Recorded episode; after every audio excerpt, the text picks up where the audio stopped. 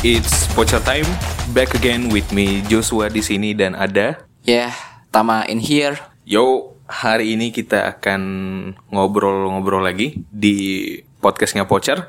Eh, hari ini yang pasti kita bakal bahas tentang banyak hal, banyak bahas tuh tentang sepak bola. Tapi hari ini gue ingin membuka dengan melempar satu pertanyaan nih buat lu Tam. Aduh, gimana gimana gimana pertanyaannya? Ini ini gue tiba-tiba kepikiran aja nih, ya kan? kan kemarin nih Lo emang suka kayak gitu sih? kemarin kan udah kita kita coba tuh ya kan sangkut pautin Fabrizio sama Lapo kan. Ah, iya. Nah, ini siapa tahu masuk nih yang ini nih. Nah, gua kan buka dengan satu pertanyaan. Lu percaya nggak sih sebenarnya bahwa sejarah itu adalah hasil tulisan dari para pemenang, Tam? Lu percaya nggak sih dengan hal ini? Wow, wow, wow, wow, wow, wow.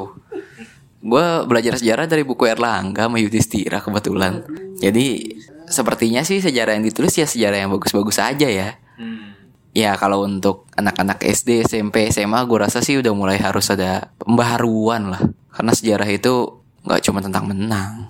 Nah, pembaharuan yang lu maksud nih gimana? Berarti secara nggak langsung lu pengen bilang bahwa ada sesuatu hal yang mungkin missing dari sejarah yang sudah tercatat dan disiarkan kepada halayak ramai atau gimana?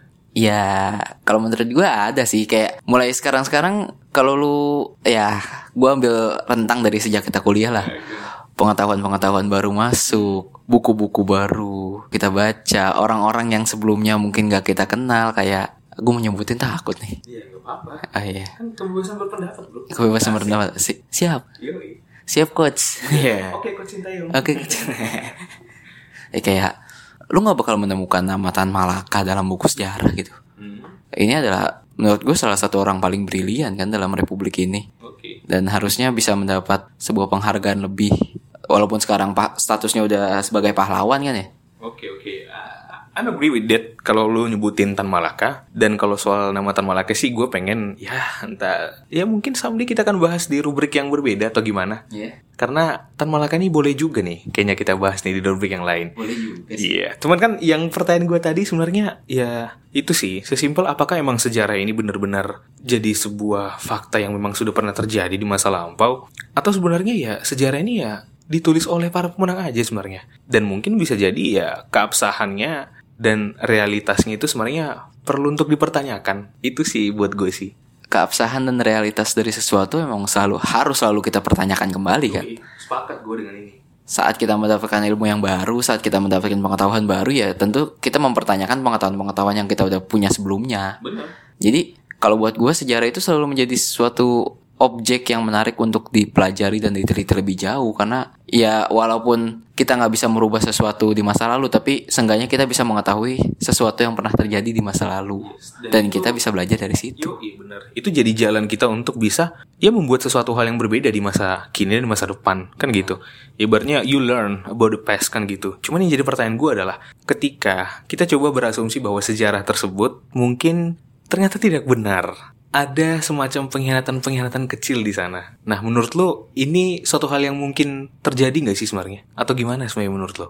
Pengkhianat-pengkhianatan kecil ya mungkin karena jadi gue lebih gue lebih menyoroti bahwa sejarah ini ketika memang ditulis oleh para pemenang dan ternyata bukan menjadi sebuah fakta dan realita yang terjadi di masa lampau apakah sebenarnya sejarah itu pun bisa tercipta sebenarnya ya karena ada pergolakan ada pengkhianatan mungkin yang terjadi di dalam sehingga pada akhirnya keberhasilan dalam mengkhianati sesuatu hal ini yang ini akhirnya terbentuk dan menjadi sebuah sejarah yang akhirnya harus diamini oleh semua orang. I- i- Is that relate to you gimana? Masuk gak nih kotak lo gimana nih? Cukup masuk akal sebenarnya statement yang lu bilang tentang eh ya kalau kita ngomongin tentang sejarah penulisan sejarah gitu pasti ada beberapa hal yang kita skip yang di skip sama yang menuliskan sejarah tersebut. Ya itu kan kalau bisa juga kita bilang sebagai pengkhianatan pengkhianatan kecil karena eh, seperti meniadakan peran dari seseorang atau sesuatu dalam suatu masa tertentu malah menonjolkan peran dari orang lain atau peran dari pihak lain kan gitu. Benar. bisa dibilang sebagai pengkhianatan juga kan kalau hal kayak gitu. Gue setuju soal itu. Ya mungkin kalau bicara masalah sejarah pengkhianatan secara garis besar kayaknya aduh nggak enak ya. Terlalu banyak ya kalau kita bahas di sini ya. Ntar eh, eh, gimana nih? Pocer udah nggak ngomongin bola lagi eh, udah- banyak banget ngomongin hal-hal di luar sepak bola gitu. Padahal jadi bocor akademisi ntar oh ntar jadi eh, pocer history. Wah, atau Voucher politik? Wah, kan nggak nggak seru. Ya paling itu sih. Kalau menurut gua ya mungkin ini bisa kita hubungkan lah dengan apa yang terjadi juga di sepak bola. Iya. Ya buat gua bicara masalah pengkhianatan dalam sepak bola juga adalah suatu hal yang menurut gua jadi suatu fakta yang unik sendiri sih buat gue ya. Dan ini bukan jadi suatu hal yang baru. Ini udah terjadi bahkan di beberapa banyak era sepak bola yang mungkin lu juga dan gua tuh bahkan orang-orang yang mendengarkan podcast ini juga tahu soal ini. Iya. Salah satunya mungkin gua akan berbicara tentang tragedi kepala babi terjadi kepada seorang Luis Figo, legenda dari Portugal. Kejadian yang disinyalir merupakan suatu bentuk kecaman terhadap pengkhianatan yang dilakukan oleh Luis Figo kepada publik Katalan karena transfer perpindahannya dari Real Madrid ke Barcelona. Namun sebelum kita berbicara tentang masalah pengkhianatan-pengkhianatan dalam sepak bola, Lo lo sering dikhianati Jus oleh cinta gitu? Nggak nggak pernah. enggak. Lu kalau mau ngasih tahu statement jangan yang bisa menyerang pribadi lu, Tam. Oh Bahaya soalnya. Sorry sorry sorry ya sorry Jus. Ini pengkhianat ini emang nggak di dunia nyata gitu, nggak di sepak bola ya emang nyebelin sih. Kayak lo misalkan udah berjuang bersama gitu di satu tim kan misalkan, ya kayak yang contoh yang tadi yang si Luis Figo gitu. Lo udah berjuang di satu tim gitu di Barcelona, terus tiba-tiba karena lo mendapat godaan, rayuan dan eh, segala macam yang diucapkan oleh Real Madrid lah waktu itu oleh Florentino Perez ya berarti udah Perez waktu itu. Belum, belum. Belum. Itu posisi masih 2000 2002. Tragedi itu terjadi kan 22 November 2002 kalau seingat gua dan yang dari gua baca. Cuman kan untuk transfer Vigo sendiri itu di tahun 2000. Jadi transfer Vigo itu terjadi setelah Vigo mm, menang Ballon d'Or lah ceritanya. Gitu. Jadi kayak semacam memang ya bisa dibilang itu salah satu transfer yang paling hype di masa itu sih. Jadi awalnya Galacticos berarti ya, Vi- Vigo ini penanda jadi awalnya Galacticos di Real Madrid kali ya. Iya, iya. Waktu itu juga jadi eh, transfer termahal gak sih? Gue lupa deh. Iya, pada saat itu itu jadi salah satu transfer termahal. Mungkin kayak nomor satu deh transfer termahalnya. Ngalahin Zidane berarti ya? Iya. Kaya ya Madrid ya dari dulu ya. Iya, Maka- makanya suka ngambil pemain-pemain lawan sih. Iya, enggak juga. Jadi sebenarnya hal yang menggelitik buat gue sebenarnya di kejadian ini adalah karena eh, kejadian ini kan kalau dalam bahasa Spanyol tuh dinamakan sebagai ya match yang memalukan lah sebenarnya. El Partido de la Vergüenza itu kalau dalam bahasa Spanyolnya. Jadi emang ya kejadian itu sih emang benar-benar bikin El Clasico khususnya mungkin El Clasico pada saat itu jadi mendapat sorotan lah gitu. Maksudnya apakah memang dengan hmm, hanya karena sosok individu ya pertandingan sepak bola harus terhenti atau harus mungkin dinodai dengan insiden yang sebenarnya kalau menurut gue sih ya ini sih mungkin akan dibicarakan oleh orang-orang sana pada saat itu. Kira-kira emang ini hal yang sebenarnya lumrah atau sebenarnya ini ya cuma luapan emosi belaka atau gimana gitu. Nah, kalau yang dari gua tahu sih sebenarnya kejadian ini kan latar belakangi dari supporter garis kerasnya Barcelona. Iya, itu Ultras kan? Yoi, Boxos Noise itu kan salah satu mm, garis gerasnya fans Barcelona lah. Yang pada saat itu juga sepengetahuan gua karena presidennya Barcelona di zaman itu eh, Josep Luis Nunes itu kan emang dia itu memperbolehkan gitu loh berbagai kalangan untuk bisa datang ke stadion dan mendukung Barcelona. Dan mungkin pada zaman itu ya nggak seketat sekarang kali ya. Maksudnya kayak regulasi tentang yang bisa masuk ke stadion itu siapa aja modelnya kira-kira pengaturan seperti apa, pengamanan seperti apa, gue kurang paham juga. Dan mungkin di tahun itu, ya kejadian itu ya lumayan lumayan fleksibel lah. Potensinya terjadi itu besar banget gitu. Dan pada saat itu juga setahu gue kan yang bikin emang makin parah itu ya karena si presiden di Barcelona ini cabut, dia eh, mengundurkan diri dari Barcelona. Jadi emang sebenarnya, iya benar. Jadi sebenarnya kejadian Vigo itu nggak pure dilatar belakangi oleh emang kekesalan daripada fans terhadap kepindahan Luis Figo, tapi memang internalnya Barcelona yang mungkin kurang lebih ya sama lah ibaratnya kayak apa yang dialami Barcelona sekarang itu emang lagi ada emang intrik yang kenceng banget di kursi eh, presiden klubnya gitu. Eh, Boy Exos Noise nggak mau ngelempar apa gitu buat timnya yang sekarang kan habis enggak enggak enggak. Sorry sorry eh, untuk saudara-saudara Boy Exos Noise kita di Katalan sabar-sabar aja lah. Ya nggak tahu juga sih kalau mereka emang mungkin pengen lempar kepala babi gitu mungkin tapi seukuran seukuran gaban gitu kan nggak tahu ya. Atau mungkin kira-kira ke siapa tuh? Dilemparnya ke siapa? Dilemparnya ke ke pihak yang inilah pihak berwajib gitu. Mancing.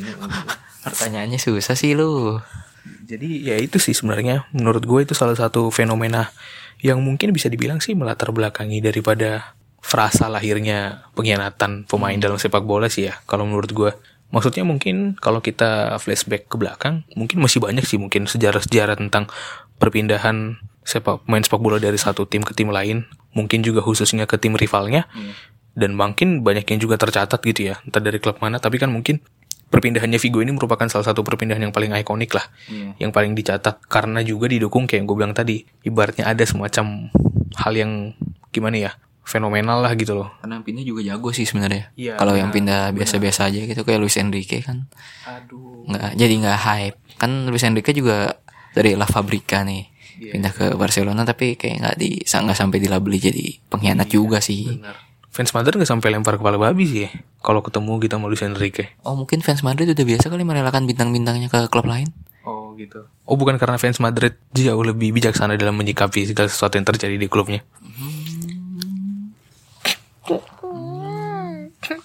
Ya kita nggak tahu sih. Tapi kalau ngomongin pindah pindah dari Barcelona ke Madrid sebenarnya selain si Luis Enrique terus siapa Luis Figo terus ada juga gue ingat Samuel Eto'o oh Samuel Eto'o juga pernah kan ya? Walaupun transit dulu kan di Mallorca berapa tahun gitu. Baru akhirnya ke Barcelona. Kalau menurut gue mungkin karena prosesnya emang nggak direct, itu juga yang menolong gitu loh. Iya, iya. Artinya kan yang yang benar-benar fatal ini kalau menurut gue buat para pendukung-pendukung garis keras yang emang barbar ini kan jangan sampai pemain idola atau pemain yang mereka cinta itu emang secara langsung gitu loh. Pindah, dari A ke B gitu. Ya ketika emang lu transit entah di klub mana dulu ya menurut gue itu sedikit mengampuni lah masih ada semacam penerimaan lah gitu dari hati-hati para fans-fans garis keras ini kan. Cuman emang posisinya nggak cuma sama Eto'o sih, tau gue juga ya mungkin yang itu kayak model-model Javier Saviola lah kali ya. oh iya Nah, berarti kalau ini udah di faktor gagal ya? Wah, gua nggak tahu deh. Iya bisa jadi gitu. Emang di wonderkid bisa aja. Wonderkid. nah, jadi yang yang mungkin kasusnya Saviola ini sedikit berbeda. Kalau ini lebih masalah ya emang pemainnya mungkin nggak nggak mungkin semenarik itu buat bar fansnya gitu kan. Jadi ketika dia pindah, eh tapi gimana sih Saviola setahu gue emang daerah kan? Dari kayaknya sempat nggak tahu deh. Kok klub lain dulu ya. Ya pokoknya intinya itu juga jadi salah satu faktor. Ya balik lagi mungkin tergantung ke pemainnya kan. Kalau emang pemainnya ini nggak terlalu terkenal sering di bangku cadangan dan emang bukan jadi pemain yang emang penting banget buat tim kayaknya juga ya fans-fans nggak bakal terlalu ribut sih kalau dia pindah ke rival gitu ya Tapi kalau ngomongin ngomongin yang indirect tapi masih nyisa kebencian gitu di fansnya. Gue ingetnya Ses Fabregas sih. Ses Fabregas kan pindah dari Arsenal ke Barcelona dulu nih. Habis itu baru ke Chelsea. Nah, waktu di Chelsea ini dibenci setengah mati kan sebenarnya sama fans Arsenal kan. Walaupun sebenarnya udah pindah dulu ke Barca. iya Tapi ya bisa dibilang Fabregas sebenarnya salah satu gelandang terbaik yang Arsenal punya selama 20 tahun terakhir sih. Gue masih belum ketemu gelandang yang mungkin mempunyai visi atau mempunyai teknik sekali Fabregas di Arsenal sih. dan gue sebenarnya nggak terlalu tahu ya tentang masalah latar belakang apakah emang fansnya Arsenal dan fansnya Chelsea identik untuk melakukan sebuah pertengkaran gue nggak tahu sih ya Karena sama-sama London aja. karena mungkin London ya bisa jadi sih gitu sih ya mungkin itu di Liga Inggris yang juga bikin fansnya Arsenal kesel sih ya. Tapi kan sebenarnya fenomena ini kan bukan sekali dua kali terjadi ya. Arsenal ini kan emang udah sering banget gitu ya. Karena emang Arsenal kan terkenal sebagai tim yang emang eh, sering menjual pemainnya ke klub lain. Jadi ya potensi untuk mendapatkan pengkhianatan di dalam tanda kutip ya itu emang terbuka lebar sebenarnya kan. Dan gak bisa dibilang sedikit juga kan pemain-pemain Arsenal yang pindah ke direct, rival, direct rivals gitu. Kayak contohnya Ashley Cole. Iya, iya. Pindah ke Chelsea. Nah itu itu deh kayaknya mulai mancing-mancing keributan kayak mulai dari Cole nih. Soalnya Cole pindah karena uang. Iya, iya. Di Arsenal cuma ditawarin lima- gaji lima puluh lima ribu lima puluh lima ribu pounds. Di Chelsea ya Chelsea lagi sugi-suginya sama Abramovich dikasih ya berapa aja kan. Iya, iya. Dan emang itu sih menurut gue salah satu faktor bener sih faktor tentang masalah uang ini emang ya jadi salah satu hal yang menurut gue ya gimana ya ya membuat mungkin pemain-pemain yang mungkin dipercaya di klubnya jadi semacam kehilangan loyalitas lah gitu ya ketika bertemu dengan hal ini. Nah kalau menurut lu tam sebenarnya kalau untuk Liga Inggris sendiri ada nggak sih pemain-pemain yang mungkin lu highlight juga yang punya case yang sama tentang masalah pengkhianatan perpindahan gitu? gue lanjutin sedikit dari yang tadi yang si Arsenal ini. Tadi gue sebutin Ashley Cole, terus ada nama Emmanuel Adebayor, ada nama Samir Nasri, ada nama Robin van Persie. Itu semua pindah dan akhirnya dapat piala. Arsenalnya enggak. Gila gila. Gue gue gue kalau gue gue jadi fans Arsenal emang gila sih ya. Lu bayangin bertahun-tahun lu menghadapi case yang kayak gitu tuh berat banget coy. Dan ya itu poin pentingnya kayak yang lu sampein tadi, pindah dan akhirnya lebih lebih baik gitu loh di klubnya yang baru ya. Lu ingat kan selebrasinya di Bayor yang nge- ngelilingin lapangan satu Etihad ini? yang Gara-gara golin lawan Arsenal? yang dia selonjoran terus Ya ampun. Ini Arsenal benar-benar dari dulu emang banter klub. Fans-fansnya kayak udah punya rumah di Goa. Eh udah nyewanya 20 tahun. Tapi sekarang jago sih. Iya, ya, Ya nggak tahu. ya nggak, ya nggak tahu sih kalau kalau tolak ukurnya Arsenal emang pencapaian kayak gitu udah jago buat Arsenal, gue sih nggak tahu sih. Ya. Ya emang udah turun kan standarnya. Oh udah turun ya? Eh. Oh iya iya. Oh enggak. Oh, Arsenal masih klub papan atas nggak sih di Liga Inggris? Belum. Setahu gue papan atas itu di eh, sampai dari peringkat 1 sampai 6 atau sampai 7 lah, nggak di peringkat 8. Delapan ya. Oh, mungkin kalau delapan ya, ya gitulah ya. Klub semenjana lah kali ya. Iya. Ah enggak, gue enggak, gue, gue, gue enggak mau bahas Arsenal terlalu lama lah. Gue masih peduli lah tentang ini. Citra gue ntar gue digeb- digebukin lagi sama fans-fans garis keras yang lain kan. Ya lo digebukin sama Sol Campbell ntar. Sol Campbell juga nih pengkhianat nih, Judas dia. Kalau kata fans-fansnya Spurs Judas dia. Saya tidak akan mema saya tidak akan pindah ke Arsenal. Pindah ke Arsenal juara di White Hart Lane.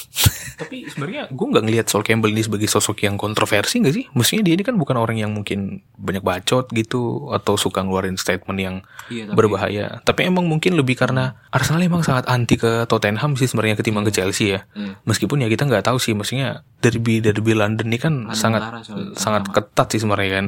Ya, Sol Campbell waktu awal-awal sih parah itu. Dan ditambah lagi karena eh, setelah Sol Campbell pindah, setahun setelah Sol Campbell pindah ini Arsenal berjuara. Juaranya tapi menangnya di kandang Spurs. Ya ampun. Jadi lo lo bayangin nih lo udah luka nih, misalkan lo jatuh dari motor gitu ya. Terus luka lo masih berdarah. Tapi sama iya sama teman lo dikasih jeruk sama garam. Wuh. Sekalian aja dipanggang, digoreng tuh enak tuh dimakan ya. Tanggung banget ya. Gue jeruk sama garam kasih kuah jadi soto tuh. Ma- lapar lu ya, siang-siang lapar lagi lu. Gue kira lu karena udah sering kan sekarang kan jeruk sama garam bikin minuman yang lain tam pakai jeruk garam habis minum Oh iya. kan udah sering sekarang Biar nggak batuk. Oh, jeruk garam sama kecap. Ih. tapi tapi ya bicara tentang masalah pengkhianatan dalam sepak bola sebenarnya susahnya ngelesnya. gak bisa dipungkirin hal-hal kayak gini tuh sebenarnya ya ada sih faktor yang ibaratnya tidak tidak sama lah atau tidak tidak pukul rata terjadi di semua perpindahan ya. Contoh sih kalau menurut gua yang yang berbeda dari case ini ya Ronaldo sih. Ronaldo Ronaldo 9. Iya ampun Ronaldo Wati. Nah, Ronaldo 9 kan ya Ronaldo Nazario kan ada salah satu icon yang menurut gua banyak banget deh kayaknya melakukan perpindahan transfer gitu ke klub-klub rivalnya sendiri. Tapi bisa dibilang ya Ronaldo nggak pernah mendapat kecaman dari fans-fansnya. Artinya emang mungkin lebih karena ke sosok Ronaldo yang emang dicintai oleh banyak orang. I don't know. Tapi bisa jadi ya itu berpengaruh sih sebenarnya sih. Iya benar. Ya selain itu juga Ronaldo kan jadi sebuah fenomena baru. Dia setelah dari Inter itu ke Barca dulu ya? Iya. Apa gimana? Pola karirnya? Gue lupa. No, setelah dari Barca ke Inter bos. Oh iya. Baru dari Inter ke Real Madrid. Oh iya. Gitu. Jadi dari Barca ke Inter ke Real Madrid habis itu ke AC Milan. Keren. Ke AC Milan. Keren. Ya mungkin yang nolong Ronaldo juga karena emang indirect sih ya, nggak langsung ke klubnya rivalnya gitu. Cuman kan kalau dicatat ya tetap aja sebenarnya kan lu lu ngebela rival lu tuh lu gila ya, maksudnya lu lu cari mati gitu apa gimana. Cuman kan buat Ronaldo ya ini nggak berlaku gitu loh. Kayak lu jadi public enemy tapi di dua, negara yang berbeda coba lu. Lu jadi public enemy di Spanyol, jadi public enemy lagi di Itali. Duh, kacau emang. Tapi sayangnya Ronaldo adalah pemain yang disenangi oleh hampir semua orang mungkin sih. Iya. Makanya gue bilang kan faktor individu itu kayaknya masih berpengaruh deh ya. Tergantung lu siapa dulu nih yang pindah gitu. Kalau mungkin lu tipikal pemain yang selama lu berkarir di klub tersebut lu termasuk yang vokal atau lu punya gestur-gestur yang mungkin menunjukkan sikap-sikap yang mungkin sangat diingat oleh fans. Nah, ini mungkin yang bakal bikin permasalahan baru karena kan kalau menurut gue mah fans yang mungkin merasa kesal sampai melakukan gerakan-gerakan atau mungkin menyebabkan insiden-insiden berbahaya ini kan sebenarnya bukan sepenuhnya kita bilang benci ya, tapi ada perasaan cinta yang nggak bisa diungkapkan dengan kata-kata. Jadi mereka terpaksa melakukan sebuah gerakan perlawanan. Gitu sih sebenarnya kalau menurut gua. Eh, cinta nggak kesampaian kayak gitu bro. Oh gitu. Gitu suhu. Oke, kok cinta yong. Saya saya dibawa ke Kroasia nggak coach? gitu bro. Jadi Nggak, kalau gue sih melihat nggak selamanya itu bentuk kebencian lah perlawanan. Bisa jadi emang itu bukan itu ya cinta yang mungkin tidak tersalurkan saja. Tapi bukannya cinta dan benci itu emang bedanya tipis. Sungguh aku tak bisa. Iya. Bisa aja Momo. Iya. Temannya Eng. Iya. mau temannya Eng. Kesel banget gue mau temannya Eng. Gue kalau ngomongin pengkhianat tuh juga Carlos Tevez nih sebenarnya salah satu pemain yang eh, cukup dicintai lah di waktu di United kan dia dapat eh, Champions League. Terus udah mau dipermanenin, kabar-kabarnya udah mau dipermanenin juga. Eh, habis itu pindah ke City coba. Aduh, maksudnya tuh apa? Statusnya berarti dia masih dipinjam dari West Ham ya ke MU. Bagaimana sih? Iya benar. Oh iya, transfer transfer goib tuh ya yang ke West Ham tuh ya. Iya. Gak jelas banget ya. Yang kayak gara-gara Kia Jorapcian lalala tuh dia si Tevez sama Mascherano kan pindah.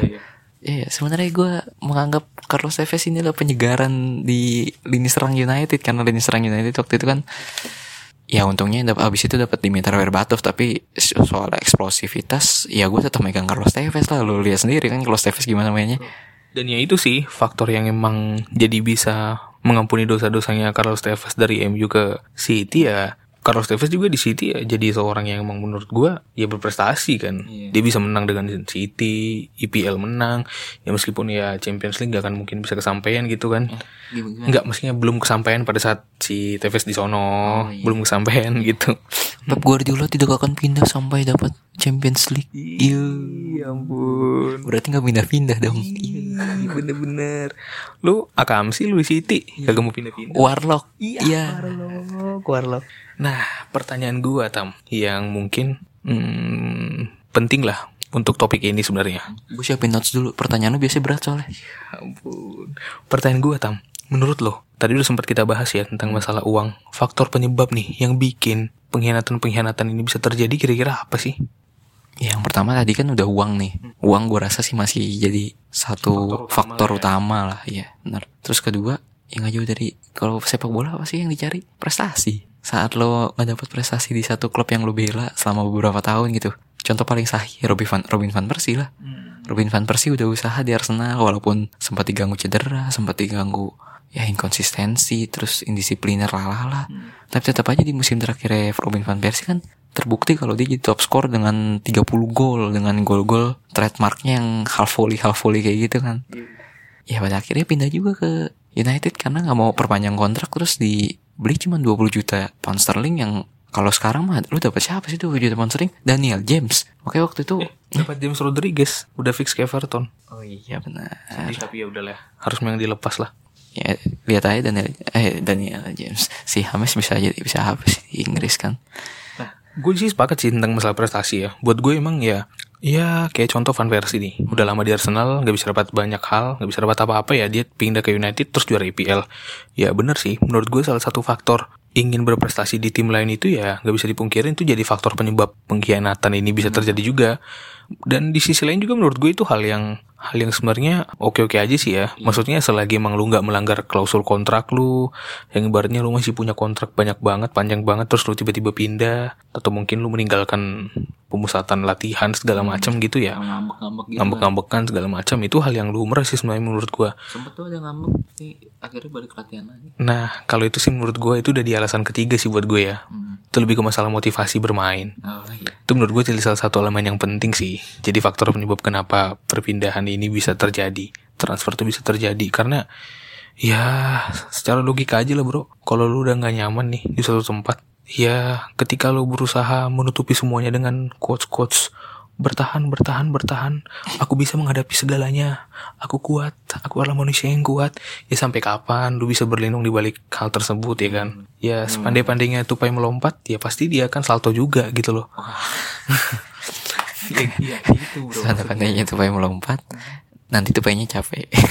akhirnya nggak lompat lagi. Ya ampun. Mungkin sudah dia sudah mendengarkan lagu-lagu dari Leo Febrian. Aku bertahan. Sampai capek. Ah, nggak usah nyanyi lah.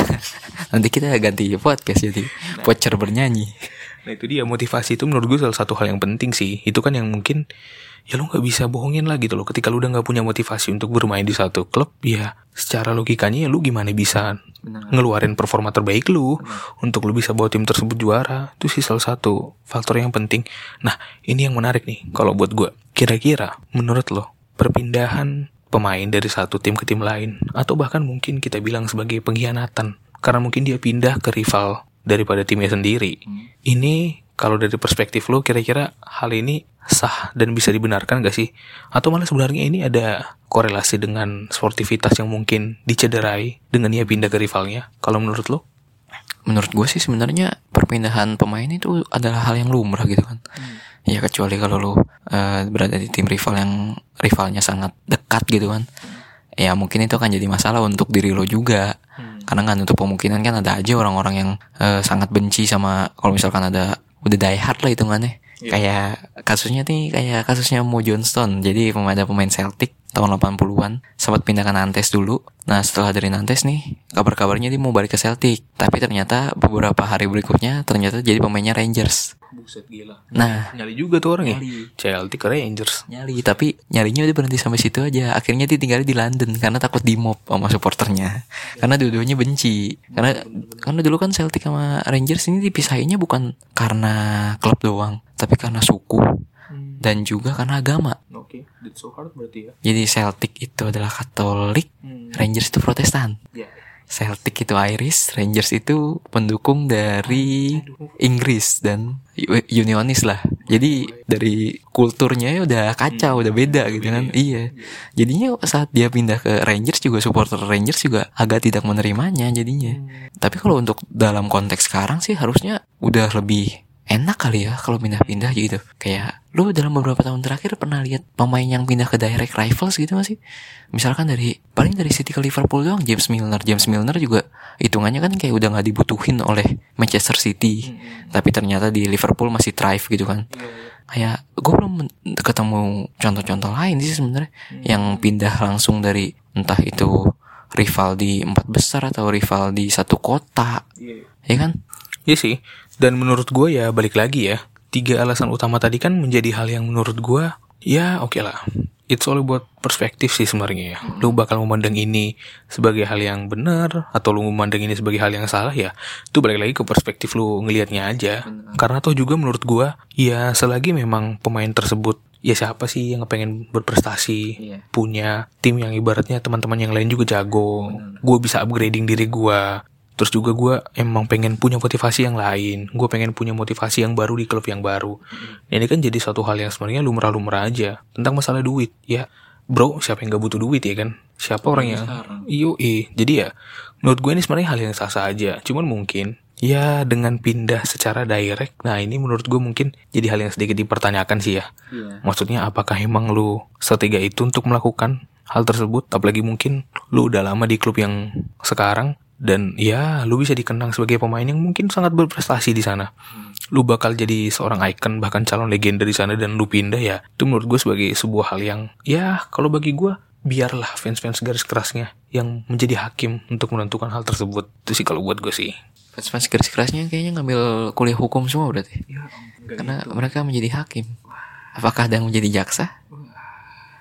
Lo semua yang benar karena lo semua bukan hakim. Itu lagu, Bro. Lagi Ya ampun. Dikat aja yang ini bikin malu. Gak usah gak apa-apa. Ya udah mungkin itu aja eh, obrolan kita tentang masalah pengkhianatan dalam sepak bola. Ya semoga ke depannya ya kalau gue sih lebih berharap sih gue nunggu siapa tahu ada perpindahan-perpindahan yang lebih menggemparkan lagi. Sergio Ramos ke Barcelona gitu kan. Hmm, In your dream tidak mungkin. Yang paling Atau Gareth Bale ke Barcelona. gak mungkin sih. Yang paling mungkin tuh sebenarnya eh, ini bro, Wan Bisaka ke Liverpool. Nggak usah lah. Ngapain? Orang udah punya tren. Milih-milih pula. Iya sih. Lagian bagusan tren daripada Wan Bisaka gak sih Nam? Iya betul kan. Ya udah mungkin itu aja untuk episode hari ini. Ya, Pocher sign out. Ciao.